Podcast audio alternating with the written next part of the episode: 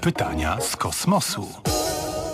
I przechodzimy, panie doktorze, do bardzo poważnej sprawy, bo słyszeliśmy o niej mnóstwo w ostatnim czasie. Chodzi o ten pożar w Biebrzańskim Parku Narodowym. A pan Paweł właśnie o to pyta e, tak od drugiej strony być może, czy jest jakikolwiek sens, jakikolwiek pozytywny aspekt wypalania traw? Więc odpowiadając w skrócie i tak po żołniersku, nie, nie ma. To znaczy może... Mogliśmy się tego spodziewać trochę. Tak, znaczy może ktoś postrzegać ten problem, e, czy, czy może ktoś uważać, że e, no, dużym plusem takiego zachowania jest oszczędność czasu. W momencie, jak jest odpowiedni wiatr, to czoło takiego pożaru, czy takich palących się suchych traw, czy zarośli, czy pozostałości powiedzmy po zbiorach z jesieni, to może się poruszać szybciej niż e, człowiek biegnie. Stąd jakby jedno, jedno z zagrożeń ogromnych to zagrożenie dla samego podpalacza, bo wystarczy, że wiatr zmieni kierunek, a przecież może się to zdarzyć. Naprawdę nie sposób sobie w ogóle wyobrazić, jaki to jest żywioł.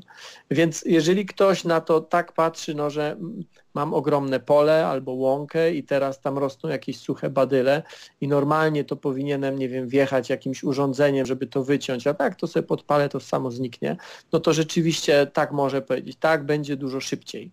E, natomiast to bardzo, bardzo często prowadzi do katastrofy, a zawsze prowadzi do katastrofy ekologicznej. Na pewno nie użyźnia gleby, a bardzo często gdzieś funkcjonuje takie mhm. stwierdzenie, że te popioły użyźniają glebę.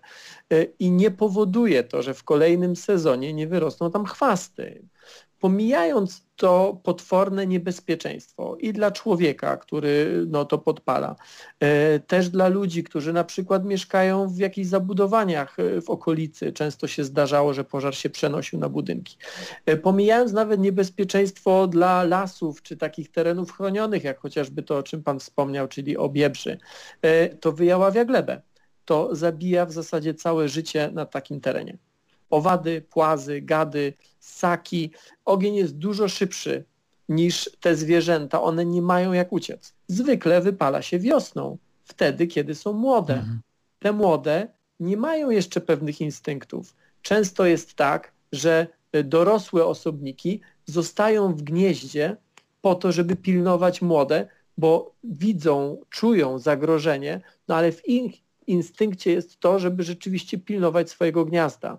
I chronić. E, tak bardzo często było e, właśnie na łąkach biebrzańskich. E, zburzone są, o tym się często mówi w kontekście gospodarczym, szczególnie teraz przy okazji koronawirusa, o tak zwanych łańcuchach dostaw.